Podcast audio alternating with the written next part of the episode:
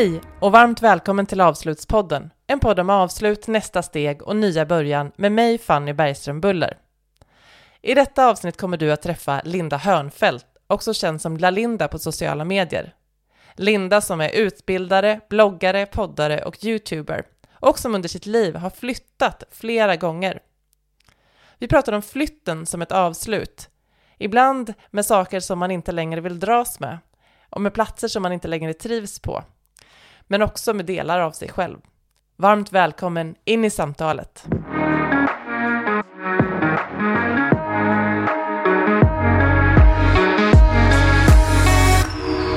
Välkommen Linda Hörnfeldt som många säkert känner igen från eh, Instagram, kanske läser din blogg eller lyssnar på dig i någon podd. Eh, jätteroligt att ha dig här i Avslutspodden. Och eh, för den som inte har eh, lyssnat på dig eller läst om dig, vem är du Linda? Eh, hej och tack! eh, jag är väl mer känd som Lalinda online. Um, och jag, jag brukar säga att det jag gör alltså i min business det är att jag hjälper influencers och soloföretagare att bygga personligt varumärke i sociala medier och därmed sin business. Uh, på Instagram så kallar jag mig för influencer coach. Jag har ju tidigare också grundat ett nätverk som heter Influencers of Sweden och skrivit en bok som heter Yrke Influencer. Så det är väldigt, väldigt mycket influencerbranschen jag rör mig, även om jag inte kanske är en klassisk influencer, så att säga. Vad, men vad nu det är. Hur ja, man nu definierar det. jag, eh, jag blev nyfiken på dig för att du har ju en person som har rört på dig väldigt mycket geografiskt. Mm. Och eh, att flytta är ju en form av avslut eh, i högsta grad. Man både lämnar liksom plats och kanske lämnar människor bakom sig. Och att eh, flytta är ju också något som ofta har en anledning, eller det har ju alltid en, någon anledning, men det kan ju finnas mycket som ligger bakom en flytt såklart. Och jag tänkte, eh, du är just nu, var sitter du förresten just nu någonstans? Just nu sitter jag hemma i mitt eh, hemmakontor i mitt hus i Älvsmark, tre mil eh, nordväst om Örnsköldsvik. Ute på landet, så att min internetuppkoppling är inte alltid liksom solid. Så att om det, om det blir någonting vajsing här så är det garanterat mitt fel. Eller Therese fel i det här, i det här fallet. och, eh, och då är det därifrån som du kommer från början? Från, eh, ja, du... inte just från Älvsmark, eh, men det är faktiskt lite roligt när jag köpte det här huset förra sommaren så eh, det, det kom sig av en slump liksom, men den här lilla byn med kanske, alltså jag vet inte hur många invånare som finns här, 20 kanske i byn. Eh, min mormor är född här. Eh, och det huset som hon är född i, rent fysiskt, eh, står kvar. Det är ju jätte, jätte, jättegammalt. Och det är ju liksom, det är, det är ingen som har tagit hand om det. Eh, det finns ingen rinnande vatten eller någonting sånt. Men, eh, men det är lite roligt att det fortfarande finns kvar. Men jag är från, eh, född och uppvuxen i Örnsköldsvik, ja. Just det. Och, mm. Eh, och nu är du tillbaka i det området, men du har ganska länge bott på andra platser. Mm. Kan, eh, kan du börja med att berätta, jag tänker så här, när, när, när du lämnade Örnsköldsvik, hur, hur gick det till? Vad hände då? Ja men alltså, du vet, på min tid när man var, liksom, man hade gått, gått ut skolan, jag gick ut gymnasiet 99 och så sen gick jag en, eh, en kvalificerad yrkesutbildning som det hette då, nu heter det väl yrkeshögskola va? som, jag gick en sån tvåårig utbildning som hette medieproduktion det här var på tiden som ordet multimedia var väldigt hippt. Eh, och eh, då gick jag ut den 2001 och då var jag så trött på småstan. Alltså jag ville ju, jag ville ju få bigger and better things liksom. Eh, och på den tiden så kallade man också Övik för Dövik. för att det var liksom så, det var så dött liksom. Eh, åtminstone för någon som var 21 och ville upptäcka världen. Så att jag, eh, ironiskt nog, eh, så flyttade jag till Umeå och jobbade på McDonalds, för det var liksom min stora, min stora jag skulle se världen. Eh, nej men jag hamnade där för jag hade en, en eh, kompis som var lite i samma situation. Han ville liksom, eh, han hade bott borta i ett gäng år och så ville han, och så hade han flyttat hem till Umeå och så sen så hade han fastnat hemma hos mamma och ville iväg. Så jag bara, men kan inte vi dela lägenhet ett tag? Eh, så får vi liksom, och så såg vi väl det båda som en språngbräda liksom. Eh, och då, ehm, så jag åkte, flyttade dit, jobbade på McDonalds. Han eh, jobbade på posten. Ehm, sen flyttade jag till Borås och eh, fick jobb som webbdesigner och han eh, gick och vann Idol. så Ah. att eh, han vann första, första omgången av Idol, Daniel Lindström hette han. Så vi, Ah. vi delade lägenhet där uppe i ett halvår. Gud, det kommer jag sen- ihåg det här. Då bodde jag i Piteå. Ja, det var härligt. Mm. Ja, men det är just det här att han jobbade på posten, för att han Mm. jobbade ju väldigt ofta så sena skift och sånt där. Eh, så det är så roligt, för den, den biten var jag med på då. då. Eh, samtidigt så tog, för jag tog alltid hem så här, man fick, när, när man slutade eh, sent, när man jobbade som kvällsskiftet, då, då kunde man, man fick egentligen inte, men ibland så tog man med sig maten som låg i, i liksom, som inte hade blivit sålt. Eh, och då tog jag hem det till honom för att han skulle komma hem ännu senare från, från sitt liksom, kvällsskift. Gud, det, det här är aldrig berättat, det är en jätteunderlig grej liksom. ja, skitsamma. Um, men då fick jag ett jobb ehm, på, ehm, ja, men på en byrå i Borås via då en kille som faktiskt hade gått, för Daniel hade gått Musikmakarna, vilket var en systerutbildning till medieproduktion kan man säga. Då var det en kille som hette Ulf som hade gått i hans klass, som var från Borås och som då fixade det här jobbet till mig. För att jag hade hållit på med webbdesign ett par år och eh, fick det på mm, arbetsprover. Så då flyttade jag dit och det var ganska många som då sa till mig så här, men gud du är så modig som flyttar över hela landet typ. Och jag vet inte om jag var så modig, jag kände väl så här, ja men vad ska jag göra då? Ska jag sitta här och liksom dela lägenhet och jobba på Donken? Det var inte det livet jag ville ha. Och webbdesignen var ju ändå liksom, det var ju någonting jag brann för, någonting jag hade gjort på fritiden i många år och nu fick jag som jobba med det. Um, och då var det ju som det som var alternativet. Sen så är det också, tycker jag också lite så här att, och dessutom så var jag nog inte så rädd, utan jag var nog mest bara exalterad över den här förändringen. Och är man inte rädd så är man ju inte modig. Så att jag såg mig nog aldrig som modig liksom.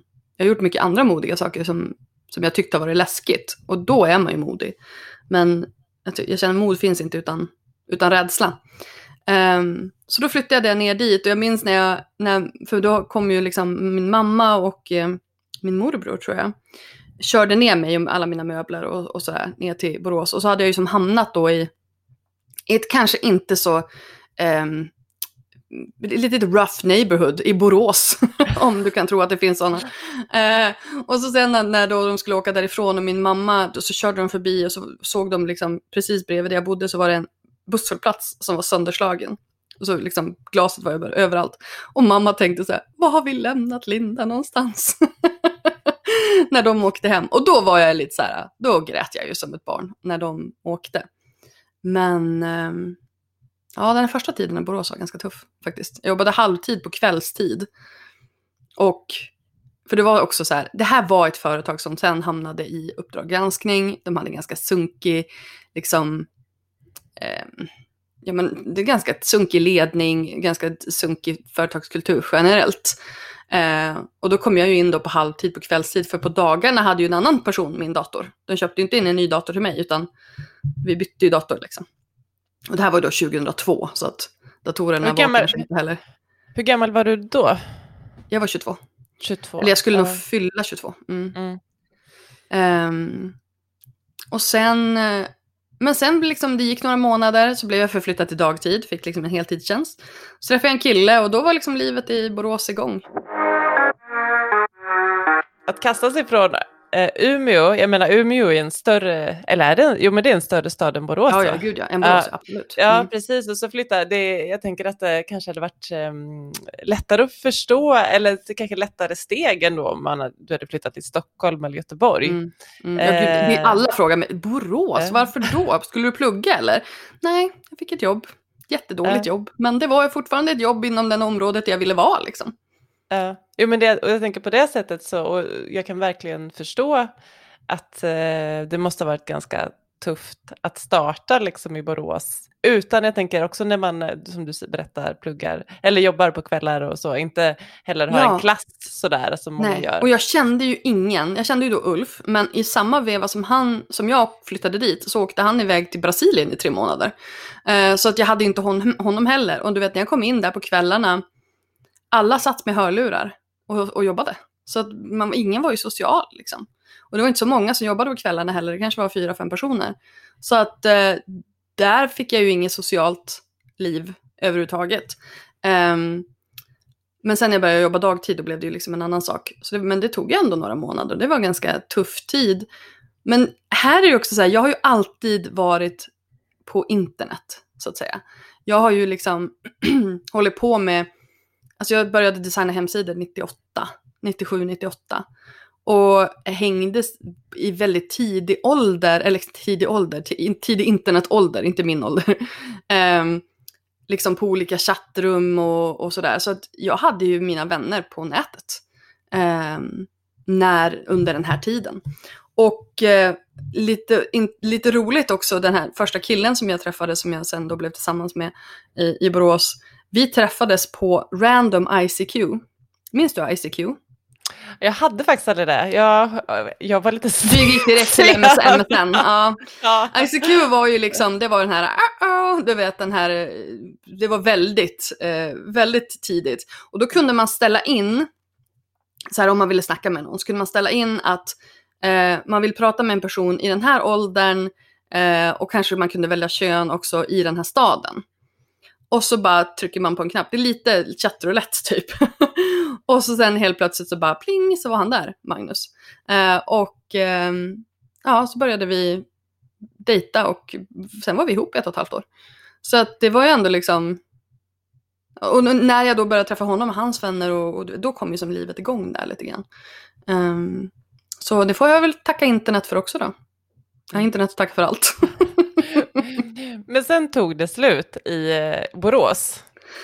Ja, det är ju en, en Eh. väldigt lång historia som får en väldigt nedkokad version här. Men i- efter typ två, tre, tre år på det här företaget ehm, så gick jag in i väggen. Och det var ju mycket för att det var en löpande band, ett löpande bandföretag.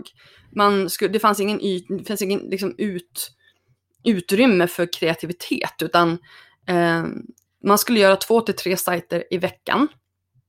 Och det här var ju på den tiden som eh, det var typ digitala visitkort. Man skulle ha, alltså de sålde in, och de, det här, så, som sagt, det här hamnade i Uppdrag granskning, det här företaget, för att de hade så fruktansvärt fula införsäljningssätt. Eh, de var så här, ja men det här är erbjudandet, det gäller bara nu, du måste skriva på nu på den här tiden, för så var det ju också fax som gällde. Så de faxade över de här avtalen och så bara, du måste, du hetsade dem till att skriva på, skicka tillbaka och sen satt de fast i, i eh, ja men i, vad heter det, abonnemang i flera år. Och ehm, det var liksom, och så sen skulle jag ju då göra den sajten och göra den här personen nöjd. Och det var väldigt mycket, jag minns på den tiden, väldigt mycket VVS-firmer. Det var väldigt mycket, det var sådana här enmansföretag som egentligen kanske inte behövde en hemsida på den här tiden.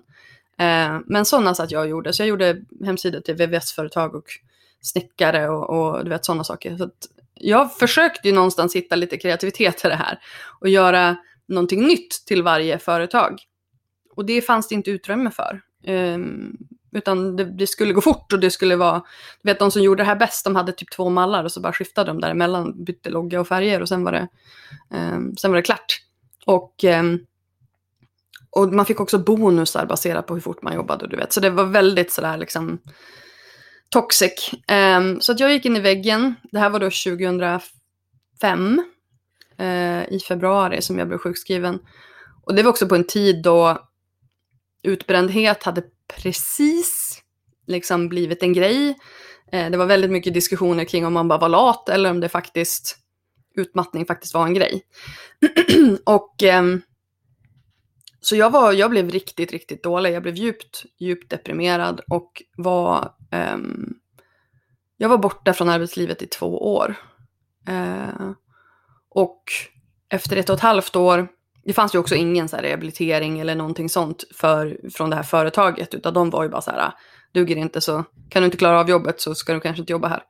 Så jag blev ju uppsagd till slut och fick gå ett um, uh, rehabiliteringsprogram via um, Arbetsförmedlingen så jag fick arbetsträna och sådär. Jobbade på en skobutik, det var fantastiskt.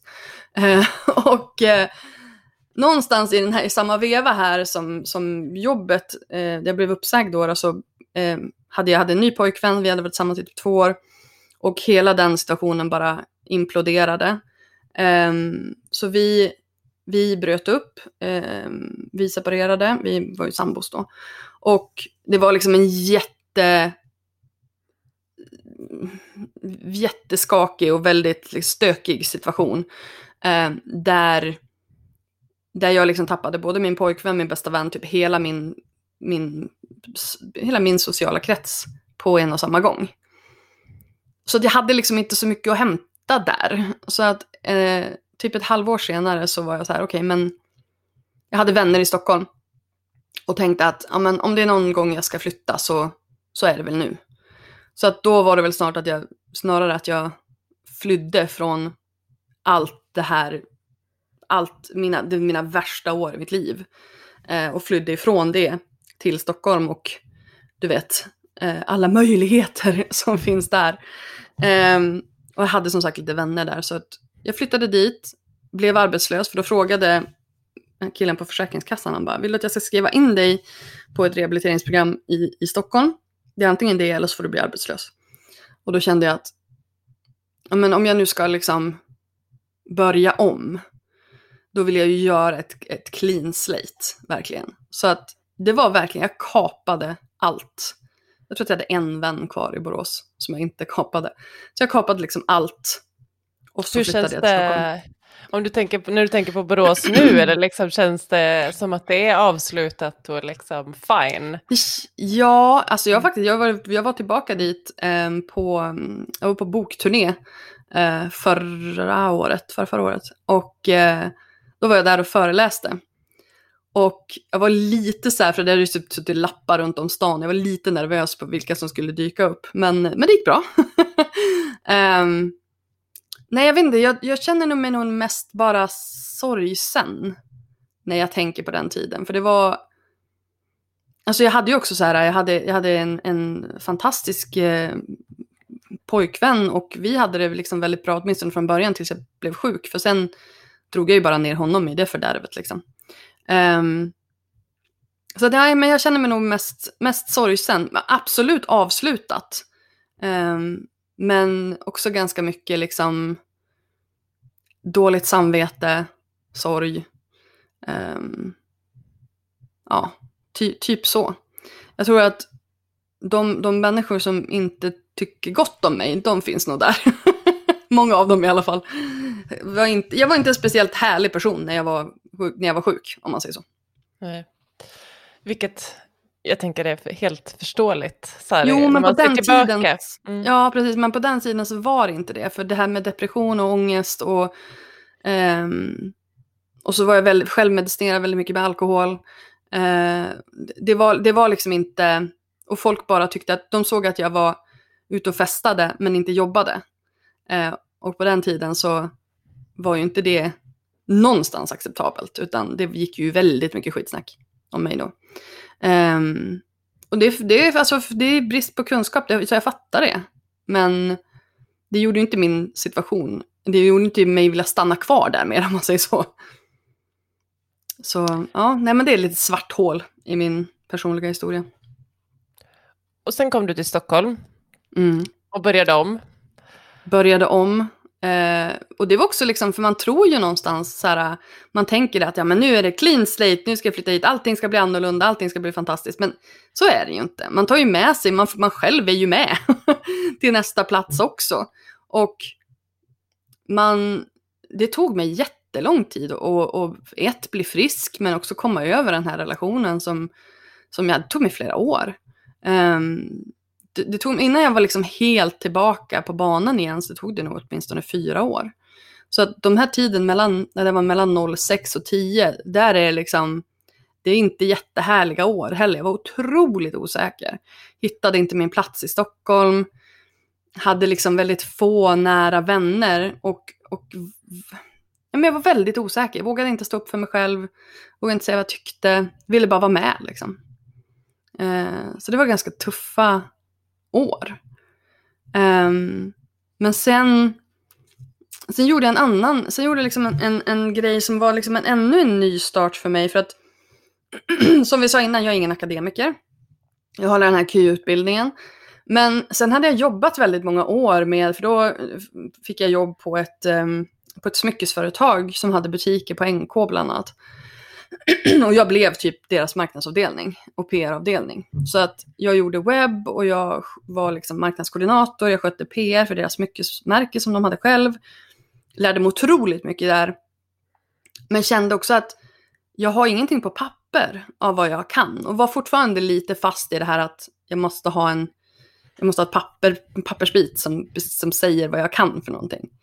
Um, och då fanns det en utbildning till eh, webbredaktör på distans mot Mitthögskolan. Och eh, Mittuniversitetet heter det. bara, ja, eller? Mitthögskolan? Jo, Mittuniversitetet. Jag tror att det ja. heter Mittuniversitetet. Gud, jag har gått på det. Det är härligt att jag inte vet. Mittuniversitetet. Och, eh, och då, var det, då var den utbildningen för de som redan jobbade i branschen. Så då var den på halvtid under ett år. Och jag sökte, jag kom in eh, och det var 2010. Och då sökte jag också tjänstledigt halva 2010 eh, på, på hösten och, och så flyttade jag till New York. mm. För jag hade alltid drömt om att bo i New York. Det här var någonting som jag hade liksom tänkt att jag skulle göra ja, men redan innan Borås. Eh, men det var så här, ja, men hur ska jag, jag ska plugga, det kostar jättemycket, uh, du vet. Och eh, 2010 fyllde jag 30 och eh, kände liksom att nu är det dags. Jag hade liksom kommit tillbaka från min utmattning. Eh, jag hade ett jobb som jag var nöjd med men jag kände att jag började bli klar. Liksom. Och, eh, och så hade jag den här utbildningen då, då som jag kunde göra på distans så jag fick lite CSN-pengar. Men sen, och det här ska man inte göra, kids don't try this at home för att det är jag står för det och jag hade gjort det igen, men det är inte toppen. Jag lånade pengar eh, för att kunna göra det. Jag lånade typ, jag smällde nu 100 000 på det här.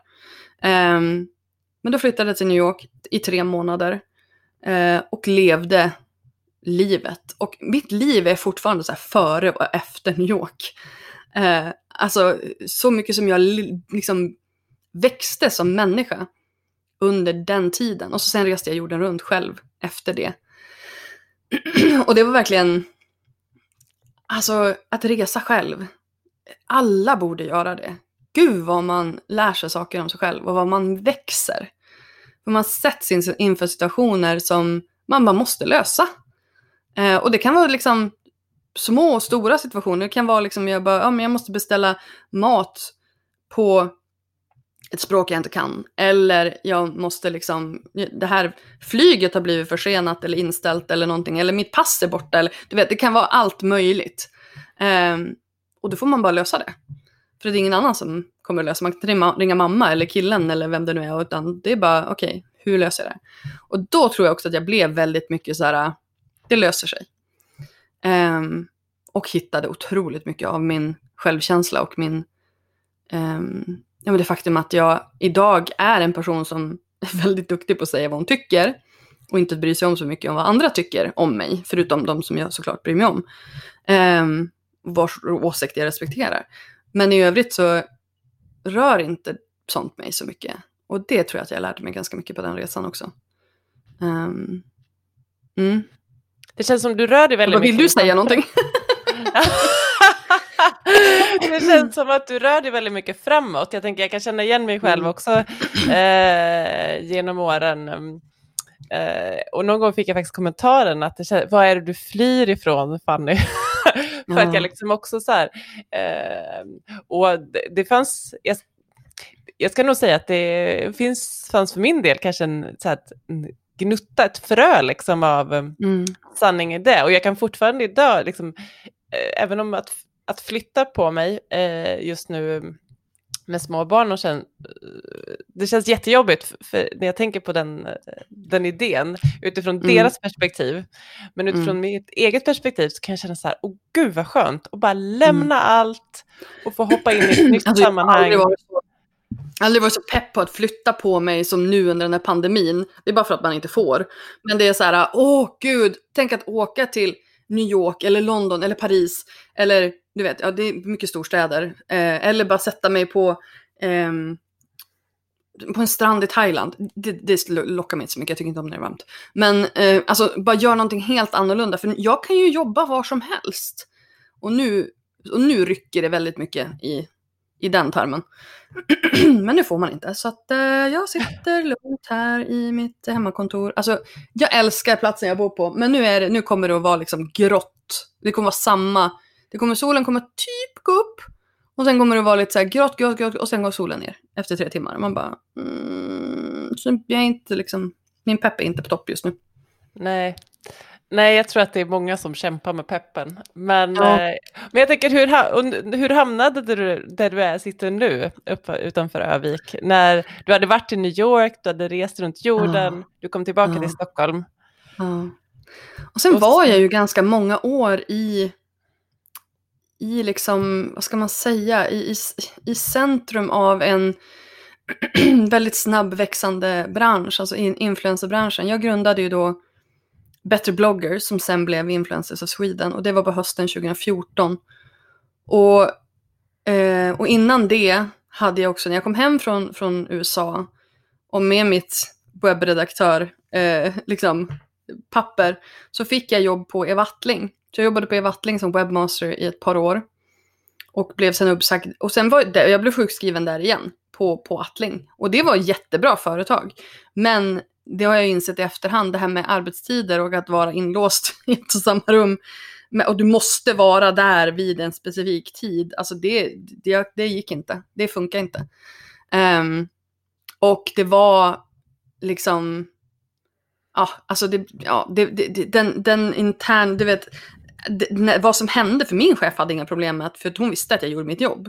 Men då blev det liksom någon slags intern grej av så här, men varför var Linda alltid kommit senare? Men även fast jag gick senare och ingen såg det. Och det kan jag vara lite så här, ah, du vet, jag gjorde ett jättebra jobb, men det, det var just den här kvarten som jag var sen eh, varje morgon. Det var det som var intressant.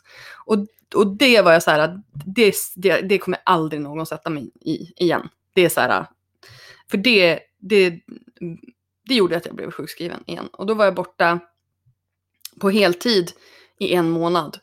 Eh, men jag trappade då upp i ett år. Och precis när jag var färdig, eh, liksom skulle komma tillbaka på heltid, så blev jag uppsagd. Eh, på grund av eh, arbetsbrist. De skulle omstrukturera, lägga ut mer av min tjänst på by byrå och sådär. Och det var en ny vd som hade kommit in som skötte den här omorganisationen. Och jag tyckte inte att den gjorde så snyggt. Så det blev lite ett litet tjafs där, det blev lite, mm, facket blev indraget och sådär. Men som resultat av det så fick jag tre månaders betald arbetsbefriad uppsägningstid. Och det här kan man också säga ett avslut med livet som anställd. För att då eh, startade jag eget. Och då hade jag som tre månader på mig att få det att, få det att flyga. Eh, och få igång det, för då behövde jag inte ha inkomst på tre månader. Um, och, och, och, och sen dess har jag liksom drivit eget företag. I början var det sjukt jobbigt och tog massa uppdrag som jag inte skulle ha tagit, som jag inte var bra på eller som jag inte tyckte var roliga eller, eller massor av uppdrag. Men några som var så här riktiga, det här skulle jag inte ha gjort. Um, och många som var ganska random. Liksom. Uh, sen hade jag många jätteroliga uppdrag också. Jag jobbade för filmfestivalen och jag jobbade med um, uh, glitter och, och, ja, så det var liksom många roliga kunder också. Men, uh, men när jag men började du, då med... Men då var mm. du frilans, alltså du jobbade med det du hade gjort innan med Ja, jag jobbade med sociala medier och ja. Nej, jag mm. jobbade med sociala medier och content mm. var liksom det som jag hade kommit in på här. Och, det, och kommunikation generellt, online-kommunikation mm. och, och marknadsföring. Jag var, jag var verkligen så här, för de titlar jag har haft har inte varit representativa för det jag har gjort. eh, för att till exempel på det här företaget innan, då var, jag blev anställd som mode och webbredaktör aldrig, jag har inte varit moderedaktör i en dag. Eh, men det var liksom, det var trendigt då. Alla bloggare gick och blev moderedaktörer och då kände de att det var det de skulle ha för de skulle ha någon slags livsstilsmagasin eh, sajtgrej. Eh, och, och blogg och grejer. Och det var ju det jag drev igång, men jag vet inte om jag skulle kalla mig själv för moderedaktör, utan jag var väl snarare jag var marknadskoordinator och, press, marknadskoordinator och pressansvarig eh, på det företaget. Det är vad jag har liksom satt på mitt CV. Um, ehm, och samma sak på Attling, där blev jag anställd som webbmaster. Men det jag har skrivit i min LinkedIn, det är e-commerce and online communications manager. För det var det jag gjorde. Skötte nyhetsbrev, skötte sajten, eh, skötte liksom e-handelssajten och, och sociala medier. Så att och det är väl också där jag har blivit lite så här, vad är det jag håller på med egentligen? För att jag har inte haft tydliga titlar innan. Men, men när jag startade mitt företag då, var, då marknadsförde jag ju det som, som, för content var mycket då. Alltså content marketing, det blev liksom modeordet då. Och det var ju det jag kunde. Så att content, sociala medier, online-kommunikation. Um, och som konsult då. då. Och, uh, men sen så, jag har alltid också varit bäst när jag har haft ett företag eller ett varumärke som jag bara lever och andas. När jag jobbade på Attling så var jag så här, jag hade Attling-smycken på mig jämt, jag pratade alltid om det även i mina egna kanaler. Jag, liksom, jag tyckte det var så kul att få bygga och stärka ett, ett varumärke. Och sen hade jag liksom befunnit mig i den här influencervärlden. Jag har ju bloggat sedan 2001 på engelska. Jag började blogga när jag flyttade ihop med Daniel. Eh, och eh, då började jag blogga på engelska för att då var det liksom, jag kände folk, alltså ICQ och hela den här chattgrejen, jag kände ju mest folk overseas. Och sen började jag blogga på svenska 2005. Mitt i min utmattning. Um, och skrev väldigt öppet om det också. Jag har skrivit väldigt öppet om mitt breakup från mitt ex och allt det där. Så är man intresserad av att göra sin research så finns det. Um, I alla fall så, uh, men jag saknade lite grann att ha det här, ja, men både dels att ha ett eget varumärke, någonting som man liksom kunde bygga från grunden, men också att jag befunnit mig så länge i den här bloggbranschen, i influencerbranschen och kände att det finns ju någonting här. Det finns jättemånga unga, kreativa, främst tjejer. Och sen finns det en massa företag som bara, du vet, går rakt över dem. De inser inte sitt eget värde, de pratar inte med varandra. Och då startade jag Better bloggers för att bloggare, som det var främst var då, skulle kunna um, prata med varandra om sitt jobb. Och det här växte ju och, och tog liksom, det fick ett eget liv och, och, och, det blev också väldigt mycket, det var väldigt mycket media, jag var med i tv, jag skrev en bok, alltså det var en väldigt, eh, de här sista åren i Stockholm, från typ 15 till 17, var väldigt, väldigt intensiva. Eh, och jag, var, jag hade ett väldigt hektiskt Stockholmsliv. Um, och jag älskade det.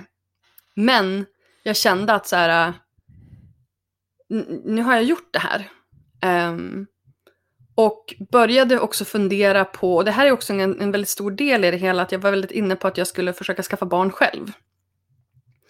Och i och med att jag ville göra det och jag hade den här, jag ville ha ett eget, jag ville liksom, du vet, då var jag också hemma, vi har ett, vi har ett sommarhus i, i Kvaved som är liksom också en, by utanför Övik. Där mamma är, det är mammas hemställe, hon är uppvuxen där. Och jag var där på somrarna. Eh, och var det kanske från, sen 14-15 så var jag där typ en månad på sommaren och, och, hängde där. Och jag älskade det. Att bara så här kunna ta sig en kopp kaffe, gå ut på gräsmattan och sätta sig och dricka kaffe på morgonen. Det var min målbild. Um, och just det här, inga grannar, ingen som såg mig fick sjunga hur högt man ville. Eh, det fanns gräs under fötterna när man klev ut. Jag kunde andas där. Och jag kände att jag inte riktigt kunde andas längre i Stockholm. Det blev, det blev för, för, för alltså själen fick inte plats. Det låter jätteflummigt, men det var så det kändes.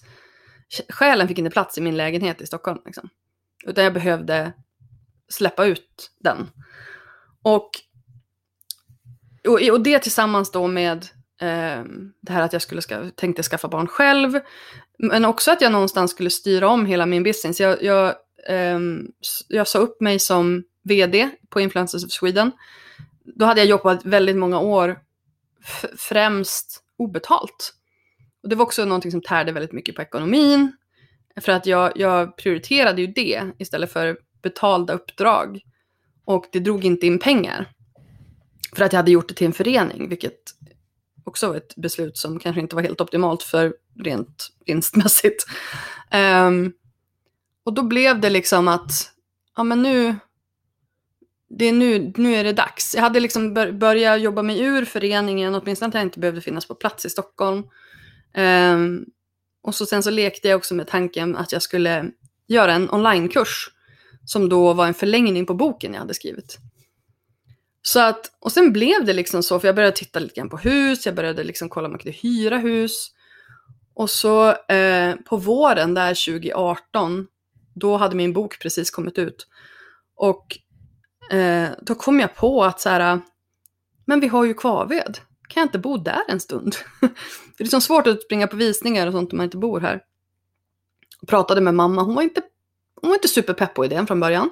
Men eh, för att då hade jag också precis, det, det är också en tillhör historien, för att Kvaved har ju varit mormor och morfars, min mormor och morfar lever fortfarande, de är 95 och 91.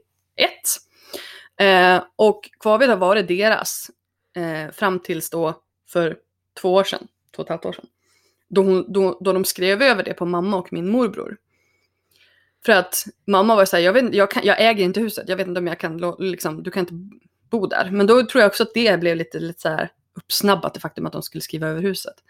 Um, så då hade jag helt plötsligt någonstans att bo. Uh, och då blev det liksom, då blev det så att så här, ja men då testar vi. Och, och då gick allting så himla fort. 2018 på, på, på, våren, våren ja. då jag bestämde mig. Mm. Och då gick det så fort, då var det så här, okej okay, men för jag var ju så här, men tänk om jag bara har romantiserat det här. Tänk om jag kommer upp dit, sätter mig där på landet och så blir det vinter och så känner jag bara what the damn hell har jag gjort? Så jag hyrde ut min lägenhet, jag hade ju förstahandskontrakt, en hyreslägenhet. Och hyrde ut den i andra hand i ett år. Um, för då, då, kände jag att ja, men då kan jag, om, ja, då, man får ändra sig. Uh, om, om, om jag flyttar upp och så känner jag att nej men det här blev ju skräp. Så får jag ju flytta tillbaka om jag vill. Uh, men jag kom upp i juni och eh, har aldrig sett tillbaka. Alltså det var, det var verkligen som att det var någon som, någon har dragit den här liknelsen förut, men jag skäl den helt enkelt utan skam. Eh, det kändes som att jag hade haft en mygga i örat i fem år, eller hur många år det nu var. Och helt plötsligt kom jag ut på landet så bara blev den tyst. Mm. Och det var så ljuvligt. Och sen när jag då hade bott i Övik, i Kvaved, i ett år så började jag titta, eh, se mig om efter mitt eget hus. Och ganska precis i samma veva som mitt andrahandskontrakt då gick ut så köpte jag huset som jag bor i nu. Så då blev det ju ett definitivt avslut liksom. Men för mig så var det inte, det var inte så att jag liksom gick tillbaka och bara hmm, undra om jag kanske flyttar tillbaka till Stockholm. Det var, det var aldrig en, en tanke egentligen, utan jag hade hittat hem. Och det kände du i hela kroppen? Ja, oh, gud. Ja. Gud ja. Ja men alltså jag kunde ju liksom stå och titta på solnedgången på kvällen och höra fåglarna kvittra och typ bara gråta av lycka för att jag äntligen hade liksom, att jag var där jag ville vara. Och det, visst absolut, jag kan också få liksom cabin fever och känna att herregud ska jag sitta här själv nu? Men då kan, jag kan ju åka tillbaka till Stockholm. Jag har ju bara bytt min utgångspunkt. Jag har ju inte låst in mig för resten av mitt liv.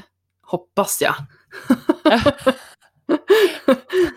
men, jag har, men jag har liksom bara bytt synvinkel. Och då byggde jag ju också min, min onlinekurs Social Brand Lab, vilket också gjorde att jag kan jobba varifrån jag vill.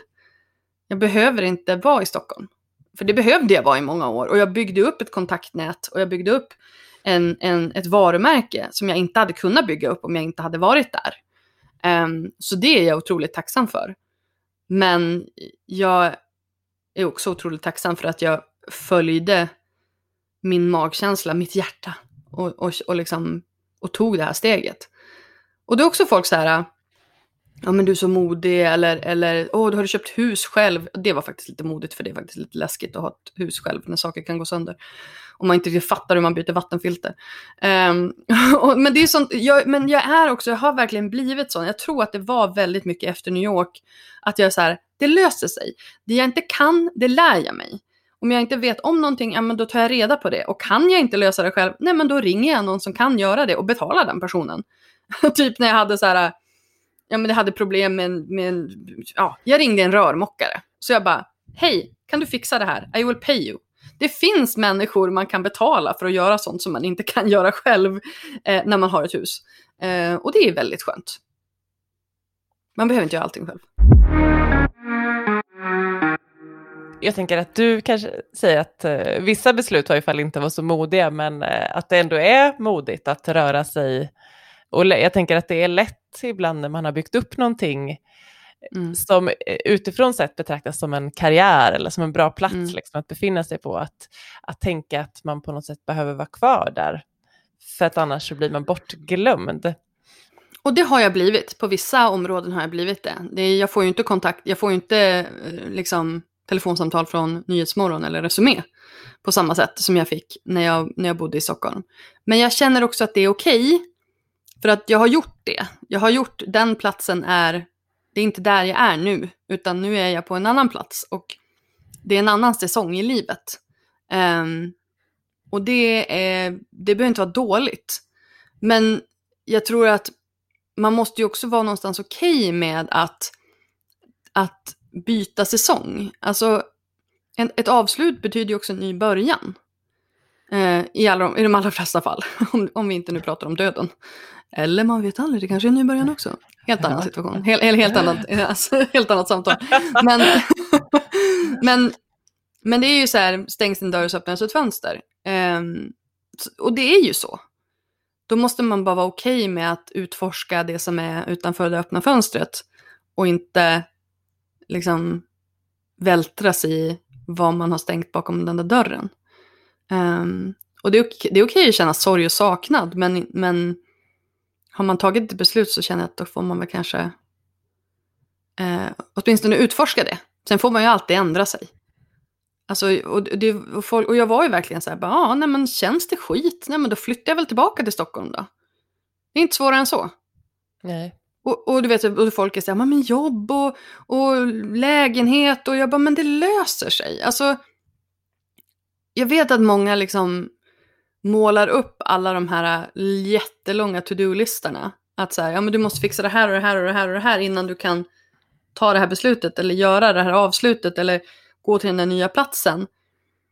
Och jag tycker inte att man behöver det. Utan jag säger bara, börja i en ände. Ha en grej färdigt. Och sen resten löser sig eftersom. Vi har alltså, sen måste man ju såklart vara lite realistisk och ha lite, lite sunt förnuft. Men det mesta löser ju sig. Det är ju faktiskt så.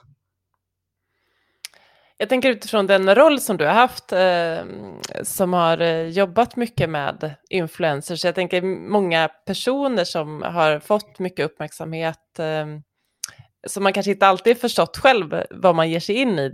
Eh, mm. Och sen så kan det rulla på. Jag tänker, mm. och många är ju kvinnor. Mm.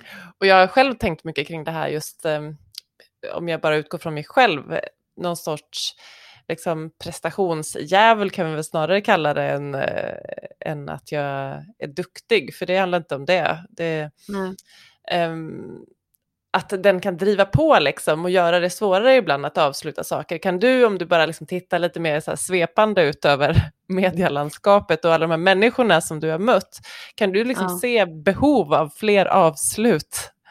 Ehm. Ja, gud ja. Alltså jag tror att, eh, jag tror att många skulle nog kanske ha eh, cut their losses eh, innan de hade gått för långt. Men jag vet ju också hur det är. Alltså jag är, vi pratade om det här lite grann innan, innan vi drog igång. Du, du säger att du är envis. Jag är ju inte det.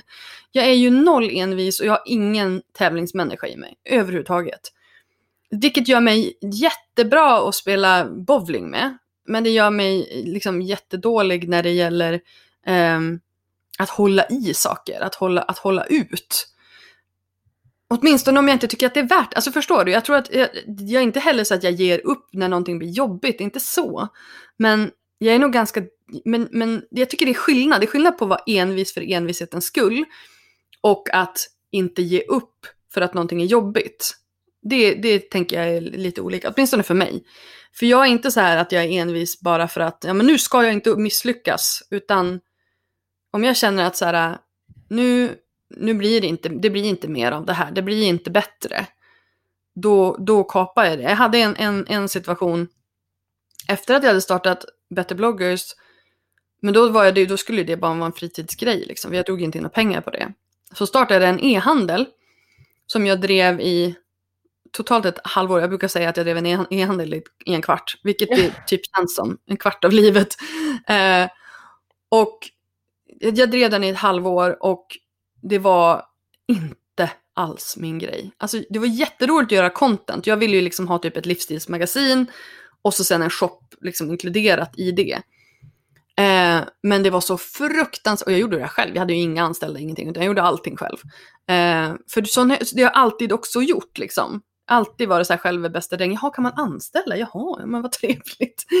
Eh, men, men då var det så här att, nej men det här tar, det kostar mer än det smakar. Och det är inte värt det. Utan då är det bättre att jag tar den energin och lägger den på någonting annat. Så att jag tror absolut att eh, ibland så är det okej okay att ge upp. Och finns det någonting bättre du kan lägga den energin på? Um, för jag tror att, ja, jag vet inte. Envishet är inte alltid av godo. Var det svar på din fråga? Ja, men det var det. Och jag, jag har väl liksom själv kommit fram till samma sak, att det är lätt att... Um, det är väl...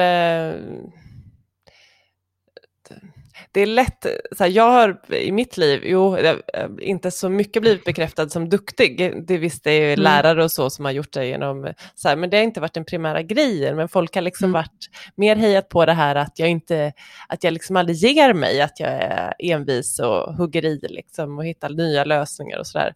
Mm. Så någonstans så blir det lite grann en självuppfyllande profetia när man liksom känner så här, jag är ju inte den som lägger mig ner. Jag är ju Nej. den som liksom, och till slut så kan man inte ens liksom stå på sina bara knän och säga så här, jag orkar inte mer. Nej. Utan alla bara säger, det gör du, du orkar liksom. Och heja på. och, då, och då vet man ju inte längre vad man ska, fan man ska göra. Då inser man ju att mm. man måste fatta, för det är ju lite grann den här utsträckta handen, ibland ber man ju om hjälp med att avsluta något, att någon bara ska mm. säga så här, nu är det nog, liksom. nu får du bara nu plockar jag ur dig ur det här sammanhanget och så är det tack och mm. hej. Jag ringer åt dig. Mm. Eh, och det, det, är ju en... Eh, det är ju för att man är lite feg ibland och inte vågar göra det. Eh, ja, absolut. Det är ju där det, man måste vara modig.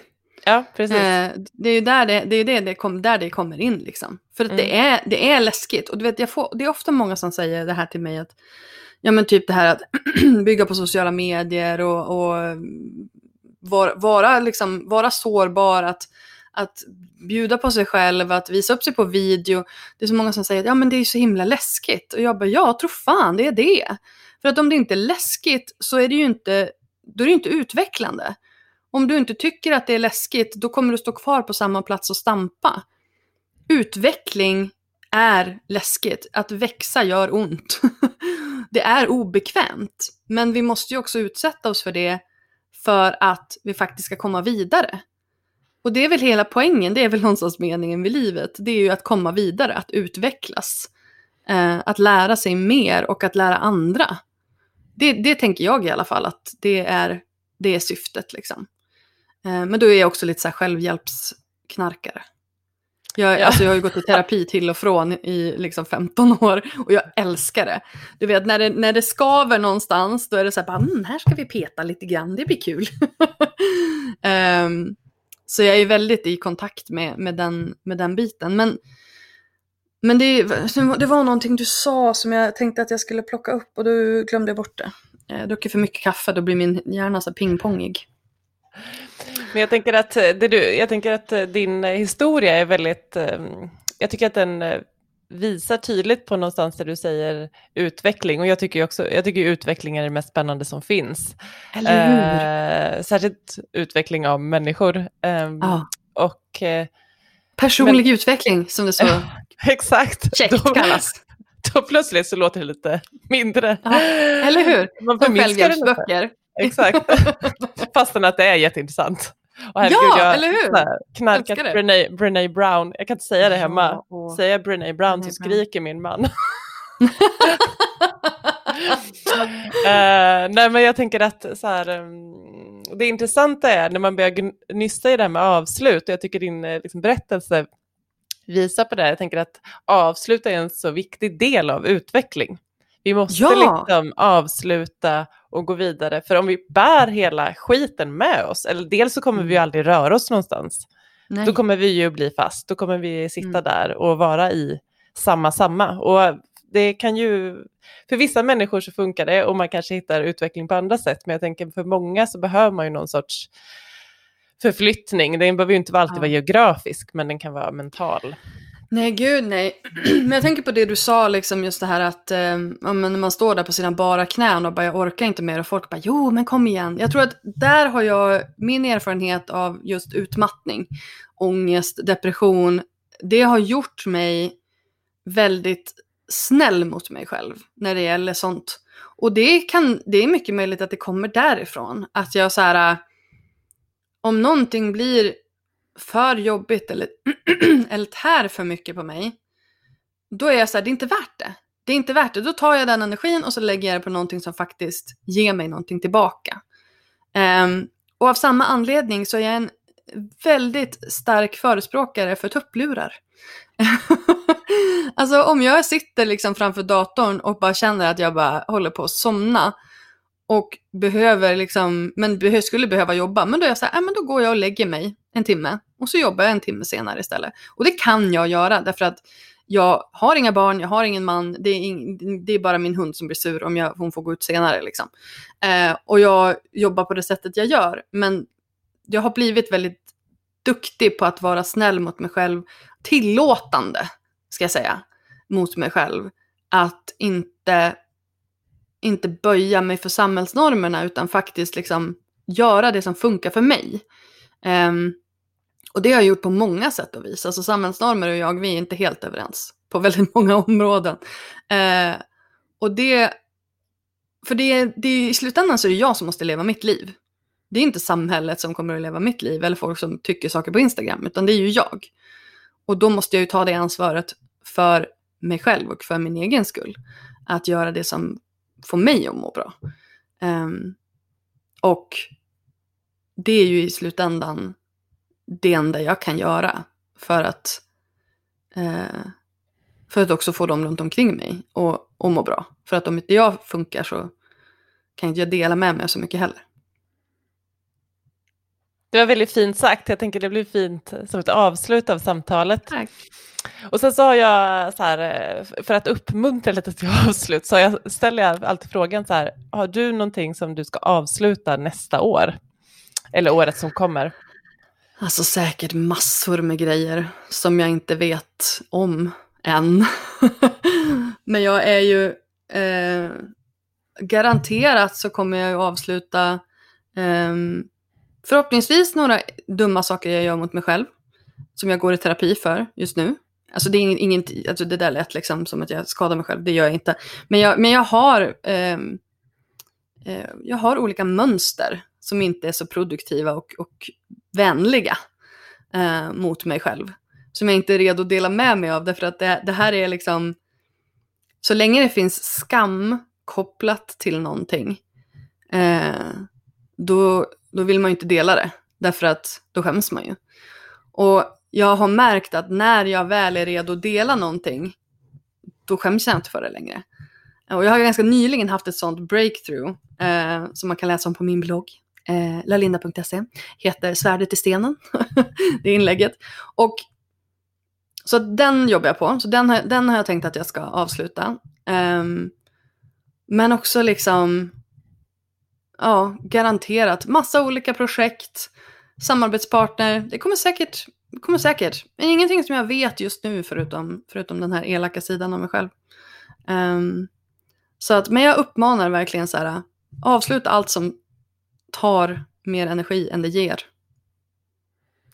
Bra sagt. Gud, jag känner själv hur jag måste, så här, jag måste gå i terapi. Ja men alltså det är the shit liksom. Och nu tänker jag, man behöver inte gå hos en terapeut, psykolog, person, men alltså hos en coach.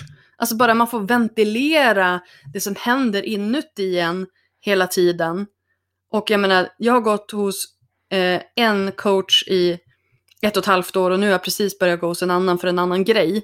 Eh, men allting går ju ihop också med någon annan, annan expertis. Och alltså de här två åren, blown my mind. Mm. Nej, men, Så det är, eh, liksom, det är som en PT fast för din hjärna. ja, nej, Så men att det är bra investering. Mm. Det är det. Jag vet, men det var ett tag sedan och jag kände nu när du pratar om det att ah, det Do skulle it. jag behöva. Do it. Ja. Kanske bra Och- också nu i din lilla transition här. Exakt, ja, men jag tror det. Mm.